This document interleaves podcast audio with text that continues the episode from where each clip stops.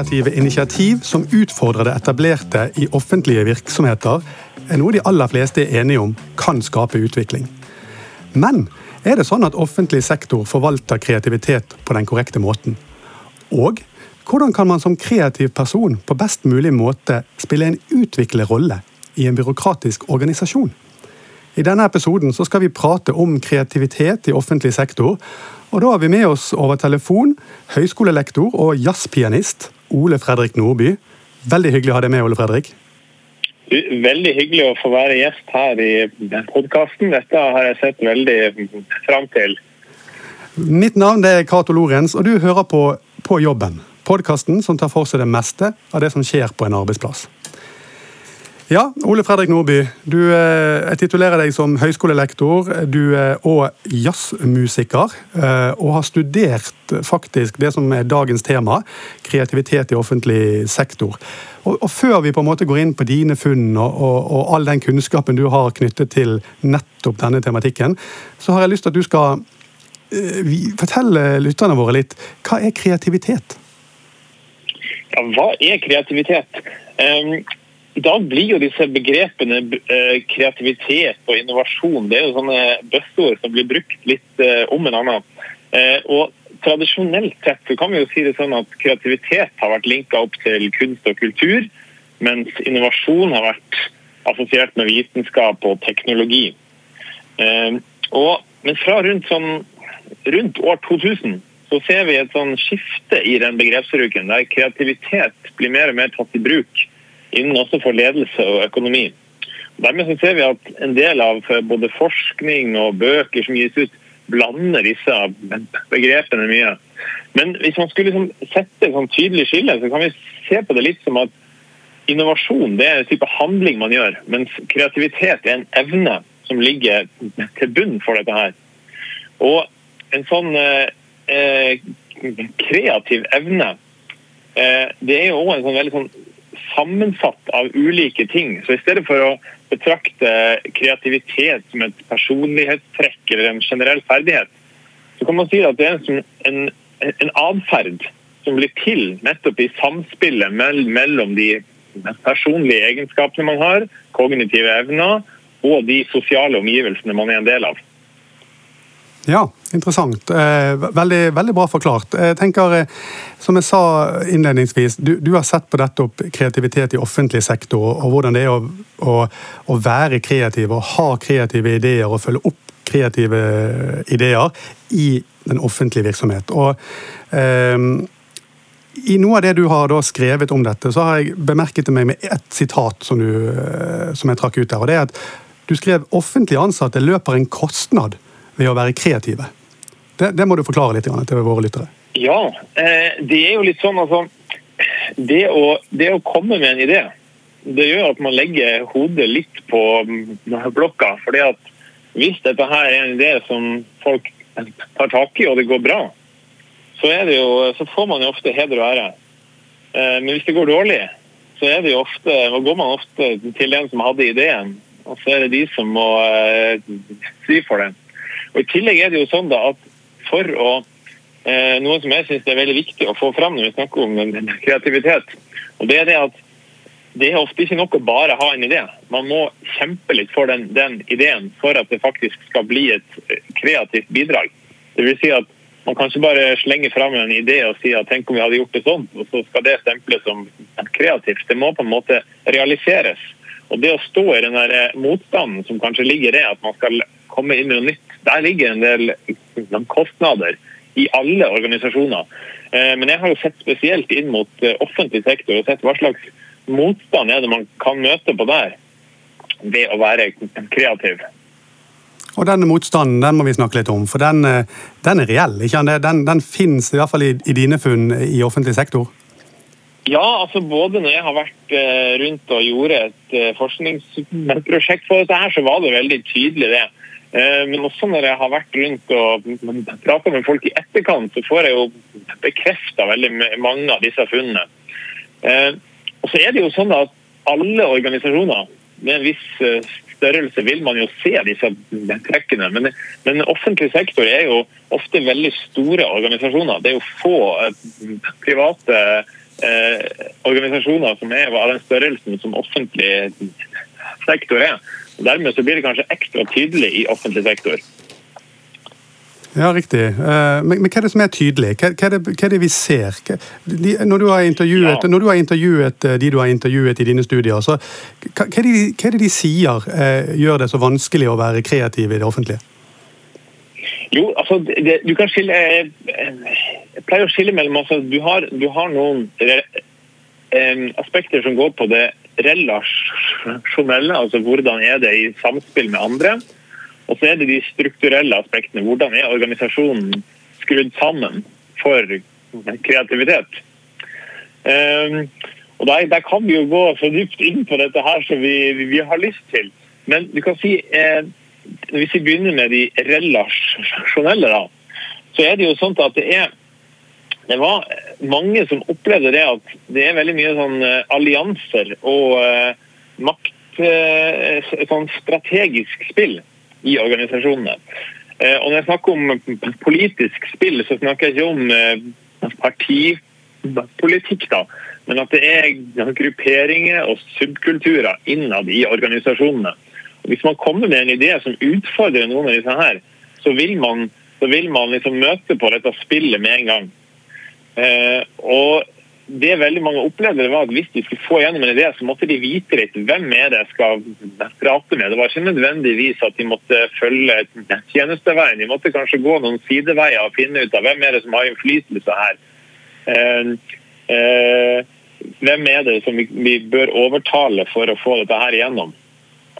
Og, Det er jo en del ting som, man, kanskje ikke, man kanskje ikke, er oppmerksom på når man er ny i en jobb. Men etter hvert som man har vært der en stund, så vil man liksom oppleve kanskje at man blir mer kreativ nettopp fordi at man lærer å forstå dette spillet som ligger i organisasjonene. Ja, jeg skjønner. Det var, det var interessant. for sånn som jeg opplever Det da, det, det, holder ikke bare å være kreativ i forhold til tankeprosessen og komme på den, den gode ideen, men du må faktisk være kreativ i, i den veien du, du, velger å ta i organisasjonen. òg. Er det sånn å forstå? Ja, det, det, det, det er nett, nettopp det. altså. Du kan si eh, innenfor sånn eh, Hvis vi ser på sånne kreativitetsteorier som har eh, forsøkt å, å eh, studere kreativitet som et fenomen, så er det, så er det en av de, disse teoriene som skiller mellom tre sånne hovedmåter å tenke på. Og da har vi den første, som er det de kaller for syntetisk tenkning. Det vil si at man klarer å se problemer på nye måter og ha nye tankesett. Og det er ofte den her eh, tenke utafor boksen-tanken. Eh, og, og, og, der er det jo ofte tenke at hvis, hvis, man har den, så er man eh, kreativ. Hvis man kommer opp med masse ideer og sånt. Men det, det, er jo egentlig bare den her Det som man i gode, gode gamle dager hadde, at det hang en boks bort på veggen, og så kunne man putte opp i en lapp der hvis man hadde en idé på hvordan man kunne gjøre ting på en ny måte.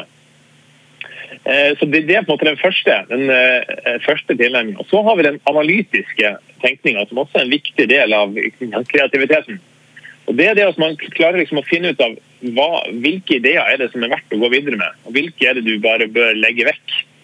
Eh, og da, da pleier jeg alltid å, siden jeg er pianist sjøl, så jeg er veldig glad i et sitat av komponisten Johannes Brahms og Han sa liksom at hvis du skal se på om en person er et geni eller ikke, så skal du se i den personen sin papirkurv. Hvilke ideer er det den personen har kasta vekk? Uh, og Det er liksom en sånn evne det å kunne liksom ta de beste ideene og gå videre med det. Da, da, har du liksom de to første, den syntetiske og den analytiske. Og Så er det den siste, da, som er den praktisk kontekstuelle. Det å klare å overbevise andre om at de ideene du har valgt ut, er gode. Og det å klare liksom å få andre til å eh, bli med på den tanken. Og Du må liksom ha alle de tre aspektene der for å virkelig få realisert det kreative potensialet man har. Ja, det, det, det høres ut som det er ganske mange krav. Sikkert for veldig mange der ute, og, og meg inkludert også til en viss grad, så tenker vi at eh, ja, hvis man kommer på noe genialt og noe kreativt, så, så er det bare å slenge det ut, og så, og så får det grobunn, og så vokser det flott i organisasjonen. Men så enkelt er det ikke. Og jeg tenker, er det, er det, forskjell Jeg vet ikke om du er rustet nok til å kunne si det i forhold til hvordan det er i de private, men den gangen, dette, denne måten å tenke på, syntetisk tenkning, analytisk tenkning, er det også jævlig privat, eller er det lettere i det private å få gjennom en god idé? Altså, jeg vil jo tro at disse her evnene som er på individnivå, de vil nok være veldig like. Altså, folk vil sitte med ideer og tanker om hvordan dette her skal gjøres i alle organisasjoner. Eh, men så er det jo liksom, hvordan er organisasjonen skrudd sammen? Altså, Hvilke strukturer er det som finnes? Og Der er det nok litt ulikheter eh, mellom offentlig og eh, privat sektor. Eh, og for, for, fordi at I offentlig sektor den, jo, den er jo skrudd sammen. Altså, det er jo et byråkrati der ting skal bli gjort i et system. Og Når det systemet ruller og går, så fungerer det veldig bra. Og det har jo, Heldigvis har det skjedd ganske mye de siste åra, også i offentlig sektor. Men det å ha systemet for å fange opp disse ideene her, det å ha folk som har en kompetanse, spesielt inn mot det å velge ut hvilke ideer hvordan skal vi få det gjennom? Og Det ser vi jo altså bare sånn som Idébanken, disse andre tingene som vi ser i offentlig sektor som kommer opp der man faktisk tar disse tingene på alvor. Der har nok privat sektor vært eh, kommet en del lengre. Men eh, det er jo ikke sånn at man trenger å komme på alle de gode ideene sjøl. Så ved å ta disse her eh, beste ideene som allerede har vært i privat sektor over i offentlig, så kan man nok få en del eh, fine effekter av det. Ja, eh, ja og jeg forstår da at det handler om eh, som du sier, strukturen til organisasjonen. Eh, og, og, Det er vel ikke overraskende for mange at den offentlige det er som du sier, et byråkrati. Som, med det det innebærer. Men det er også veldig rigid, hierarkisk struktur. Og dermed så kan det være en slags motstand mot at en idé faktisk får lov å utfolde seg. Er det sånn å tenke? Ja, det, det er jo litt det. Og så er det jo så er det jo sånn at, at, eh, at når, når, det sitter masse folk eh, rundt omkring og har masse gode ideer, så har de ofte ledere som, som, får mange av disse her innspillene. Og så skal de lederne, i tillegg til å sørge for at alt blir gjort i den daglige drifta, og at man oppnår alle de tingene man blir målt på, så skal de i tillegg kanskje prøve å, å plukke opp noen av disse nye ideene òg. Og, og, og, der er det jo òg en sånn, sånn spenning ved at lederne har ikke alltid tid til å ta imot alle disse innspillene, fordi de har så mye å gjøre allerede. Eh, og Derfor er det jo litt at kreativitet og innovasjon altså I dag er det jo knapt et, en bedrift i Norge som ikke har stående liksom, på nettsida si at de satser på innovasjon, og at det er en av deres kjerneverdier, og at alle jobbannonser etterspør kreative ansatte. Men, men, jeg tror nok at ofte så blir det sånne klistrelapper man setter på for å vise at man uh, følger med i tida.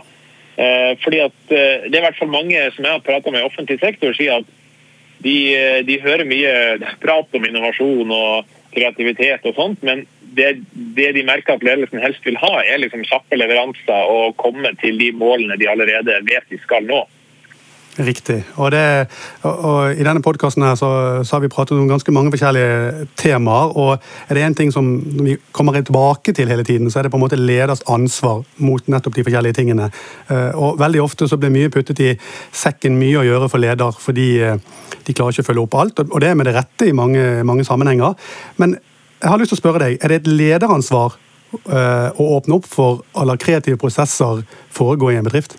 Er det de som til syvende og sist har ansvaret? Ja, altså, klart, hvis, hvis, man har en, en, lederrolle, så har man et ansvar for den uh, bedriften. og det, det, da, har man jo overordna mål. Og det er klart, Kreativitet og nye ideer kan jo, være, kan jo presentere nye måter å nå, og bedre måter å nå disse målene på. Uh, så Derfor så tror jeg absolutt at ledere bør legge til rette for det. Men eh, for å, å, klare å fange opp noen av disse ideene her og velge ut de beste og se kan det være for I veldig mange organisasjoner så sitter jo den beste kompetansen er jo i førstelinja. Altså de som er ute og La oss si helsetjenesten, de som er i hjemmesykepleien. Det er jo de som kanskje har den beste eh, kunnskapen til hvordan kan vi effektivisere det her og nå ut til flest mulig og få mest mulig tid hos de som har behov for det. Mens lederne som kanskje sitter på et kontor og ikke har vært ute i eh, felten på mange år, de har ikke den førstehåndskunnskapen. Eh, sånn at det, det, å være tett på den førstelinja i organisasjonen, det tror jeg er veldig veldig viktig. Ja, Men så, så, gjelder det at, at ikke det blir for mye støy når disse ideene her skal oppover i organisasjonen og komme seg til de som skal ta avgjørelsene. Um, og der er, nok, der er, det nok, en del mangler, både i, i offentlig sektor, men også i uh, andre organisasjoner. Ja, eh, det er interessant å, høre på deg. Du, du, skriver også, som jeg har bitt meg merke i, eh, for, apropos dette med, med, hvordan ledere kan legge til rette for kreativitet, gjerne i førstelinjen, da. Men du skriver det at du syns at i offentlige virksomheter så bør man tillate mer kaos. Hvordan kan du forklare det eh, når du, når du skriver det? Ja, tillate mer kaos. Det, det, er jo eh, det er nettopp dette her med at eh, man er veldig sånn eh, Man vil ha veldig ryggdekning i et byråkrati. Og det, det jeg har liksom merka av det når jeg har vært ute og prata med folk, det er at når det er nærmer seg en valgperiode, så blir det mer og mer sånn ryggdekning. Da har man helst lyst til å sitte litt stille i båten og ikke gjøre så veldig mye. Eh, fordi at, eh, for da vet man ikke Da vet man kanskje at om to måneder så kommer det en ny ledelse. Da vil man helst ikke eh, gjøre så mye før man vet hva er det den politiske ledelsen ønsker at vi skal få igjennom. Men, det å tørre å ta litt sjanser, det, det, det ser vi heldigvis at majoriteten av eh, ledelsesteorier støtter opp om. Det, liksom det her med disse klassiske tingene med å tillate at folk får teste ut ting i mindre skala, eh, kjøre i gang små piloter osv. uten at man blir straffa hvis, hvis, det ikke går bra. Eh, men det jeg har hørt hvert fra mange av de som jeg har prata med, er at hvis man kommer med en idé og det ikke går bra, så får man enten en smekk eller man bare blir tia litt sånn i hjel. Det, det at lederne eh, tør å la de ansatte få lov til å teste ut litt ting, eh, og sette ned prosjekter som tester ut nye ideer, og at nødvendigvis ikke man, at man tør å sette i gang noe uten å vite om det her blir en eh, stor suksess, det tror jeg man ville vært eh, tjent med. fordi at ved å ha en sånn risikoaversjon at nå skal vi teste ut minst mulig og bare la det gå, så vil det på en måte forplante seg gjennom hele organisasjonen. Og til slutt så, så sitter man stort sett bare og gjør det man har gjort før. Og da, eh, da, da skjer det ikke så mye nytt. Nei, eh, det, det vil jeg tro. Eh, for, for, å skifte litt tanken her, for det, det er noe med å se liksom hvis man skal ønske ting, kreative tanker og ideer velkommen. Men, men hva skjer egentlig når mennesker som har en kreative ideer og på en måte kaster disse ut i, i en virksomhet, men, men, møter en stengt dør. Hva skjer med den personen og, og i forhold til nettopp det å møte denne stengte døren? Ja, nei, Der er det jo også der er det klart altså, Det er jo innenfor psykologifeltet at det meste av eh, kreativitetsforskning skjer nå om dagen. Eh, og Der ser man jo at det er jo veldig mange personlighetstrekk som påvirker kreativitet. Og de som er, eh, blir ansett som mest kreative, er også de som er flinke på strategisk spill og på å posisjonere seg og vite hvem de skal prate med. Og de som kanskje sitter og har gode ideer, men så møter de ei stengt dør, de gir nok, eh, mange av de gir nok litt opp fordi at de tenker nei, her nytter det ikke å komme med ideer, og så bare resignerer man. og og bare fortsette med jobben som man har gjort eh, hele tida.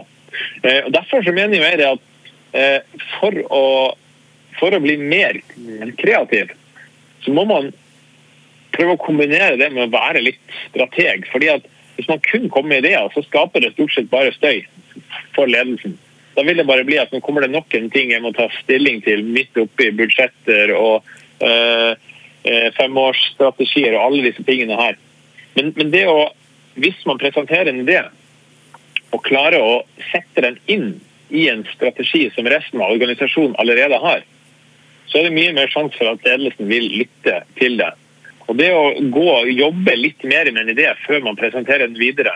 Kanskje man bør pitche det inn til noen andre først, som jobber, så man kan få litt innspill. Hvordan bør denne eh, tas videre. Sånn at det å være litt strateg, samtidig som man har alle disse ideene her, det øker sjansen for at ideen får fotfeste og blir noe av. Ja, det, det, det her er interessant, og dette må vi dvele litt med. fordi eh, der ser du med en gang det å være kreativ i seg sjøl eh, er kanskje ikke nok. Man må, være en, man må, som du sier, være en god taktiker og en god strateg. Eh, noen vil nok sikkert ha alle disse ferdighetene og evnene til å klare det alene, men, men som du sier, det, det kan jo hende at de kreative bør finne seg en, ja, hva skal jeg si, en mer taktisk, strategisk, mer strukturert partner å, å gjennomføre ideen med, så, så kommer du lenger. Ja, og, der har det jo også vært en sånn spennende forskning som ser på dette her med nettverk og kreativitet. Og Det de har eh, forska på der, er liksom å se eh, bl.a. blant eh, eh, nobelprisvinnere som har fått gjeldig gjennomslag for sine ideer, og ser på hva slags nettverk er det de har. Og, eh, det de ser at Folk som, som eh, er kreative på sitt fagfelt, har ofte mye flere kontakter og nettverk enn de som ikke blir sett på som så kreative.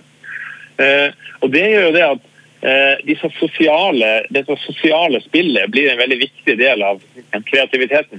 Nettopp fordi at man, da vet man kanskje ok, jeg har en idé her, men for at den skal bli en realitet, så må jeg snakke med den personen der. Og de må backe meg på det, og jeg må få godkjennelse fra han eller hun. Og dermed så, så blir den kreativiteten mye mer sånn I stedet for at det bare blir inni hodet på en eh, genial oppfinner, så blir det mer en sånn kollektiv sak som man setter i gang. Og Der tror jeg mange glemmer litt det når de har en idé. Eh, at, at de må få med seg flere på ideen. Ja, det tror jeg er et kjempegodt råd. Eh, du, eh, Ole Fredrik Nordby, kan man lære seg kreativitet? Kan man trene på å bli kreativ? Ja, det har jo vært en sånn eh, Det har jo også vært en sånn der gjennomgangsgreie gjennom all kreativitetsforskning. Kan man, kan man, bli mer kreativ? Man har gjort litt sånn uh, ulike, uh, ulike tester og utviklinger på det. Og det forskninga er ganske tydelig på at man, man, kan bli mer kreativ. Og det er jo nettopp fordi at Eh, man styrker disse tre forskjellige måtene å tenke på, sånn som jeg var inne på. Altså, eh, tidligere så var det jo sånn at man, eh, skulle, man tok sånne eh, tester, da, f.eks. at man fikk utlevert en murstein, og så skulle man komme opp med så mange, det er en sånn klassisk kreativitetstest. Skulle du finne ut av hvor mange bruksområder i verden finnes det med en murstein. Og så skulle, da, skulle man, Hvis man kom på veldig mange av det, så var man mer kreativ. Og hvis man kom på få ting man kunne gjøre med den mursteinen, så var man ikke så veldig kreativ. Eh, og den, den, er jo et sånn eh, klassisk eh, eksempel. Men, men det, det, å klare å se ting på nye måter er noe man kan øve seg opp til. Rett og slett ved å, å også lære litt om, eh, om de områdene som ligger litt utafor sitt eget kompetanseområde. Fordi eh, det vi ser er at kreativitet er veldig det vi kaller domenespesifikk. Det vil si at for meg som er pianist og, og jazzmusiker, så, så, vil jeg etter en, en del tusen timer med liksom jazzmusikk kunne komme med et kreativt bidrag inn der. Eh, men det betyr ikke at jeg ville vært veldig kreativ inn mot noen som drev med bioteknologi. Eh, så dermed ser vi at Kreativitet er ikke det som sitter liksom i hjernen og du er, er kreativ på alle områder. Men ved å kunne mer om et område, så vil du bli mer kreativ. Og Det er jo litt sånn trist for de mange som vil ha en litt sånn romantisk oppfatning av kreativitet. At det sitter noen sånne kreative eh, sjeler som hvis du putter inn i et team, så vil det bli kreativitet uansett. Eh, så det beste man kan gjøre for å bli eh, kreativ, det er egentlig å lære mer. Å lære litt både om det fagområdet man har, men også sånn eh, områder som ligger litt på sida. For da kan man begynne å knytte linker mellom det man er veldig godt kjent med, og det man er litt kjent med. Ja, det, det, det er interessant. Eh, og, og, kanskje har jeg lyst til å snu litt på spørsmålet òg. Jeg, jeg, spurte nå i sted om man kan lære seg kreativitet, men, men kanskje vel så viktig er det å, å, og stille spørsmålet kan organisasjonen og offentlige virksomheter da, i dette tilfellet, lære seg å ta imot kreative ideer på en bedre måte? Og, det er vel et utelukkende ja, vil jeg tro? Det er jeg veldig, veldig enig med altså, der, der, der, kan organisasjonen eh, legge veldig bra til rette for det.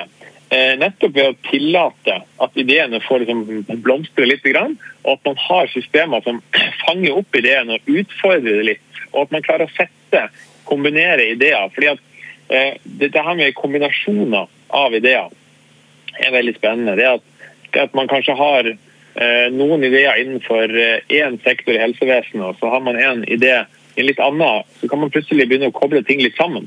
Og, og, og i de eh, punktene der, når ideer fra forskjellige områder kobles sammen, da, da, kan man virkelig få de spennende tingene som gjør at det skapes ny verdi for de som til slutt skal bruke en tjeneste.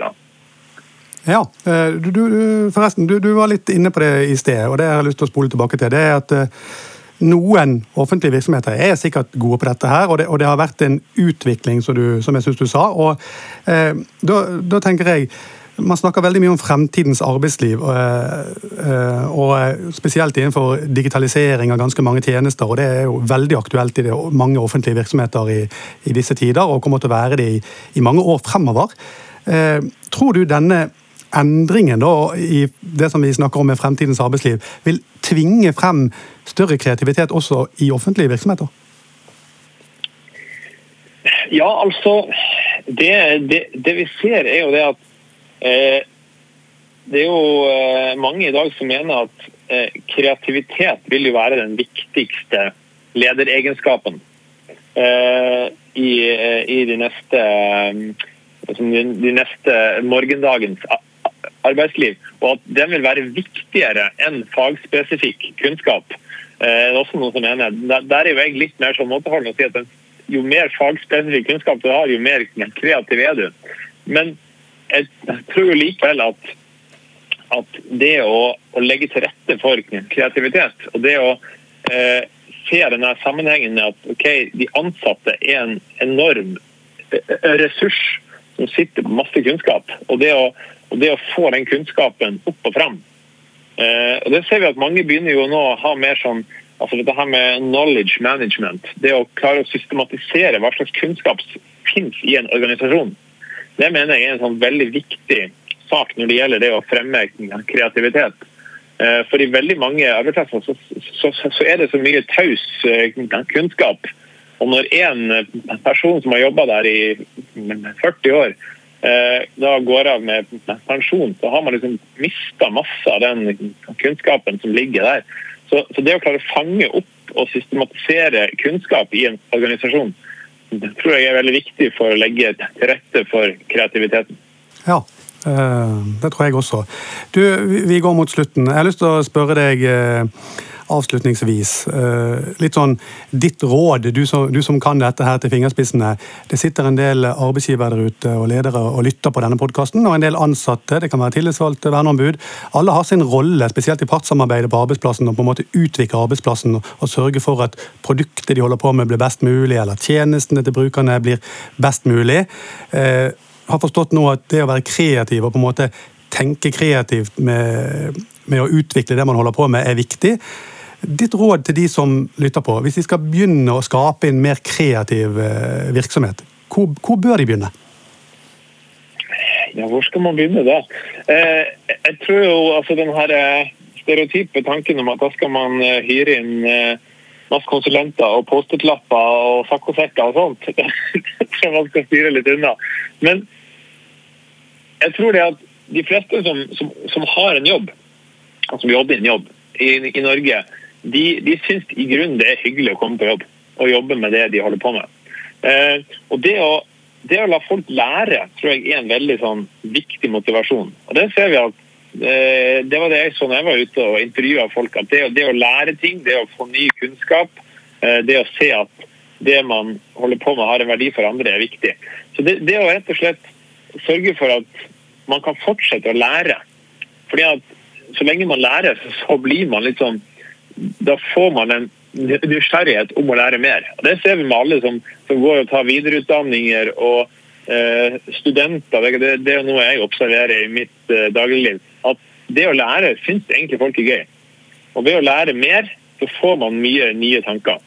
Så Det er et sånn konkret tips. Det å sørge for at opplæring og videreutdanning av ansatte eh, det, det gjør at man, man, legger til rette for veldig eh, godt kreativt klima.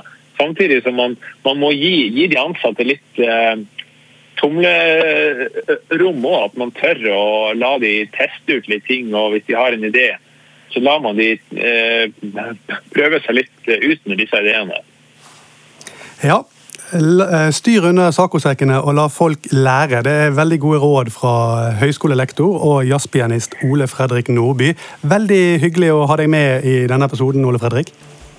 Du, tusen takk for at jeg fikk komme. Mitt navn er Cato Lorentz, og eh, På jobben er tilbake om eh, veldig kort tid. Vi høres.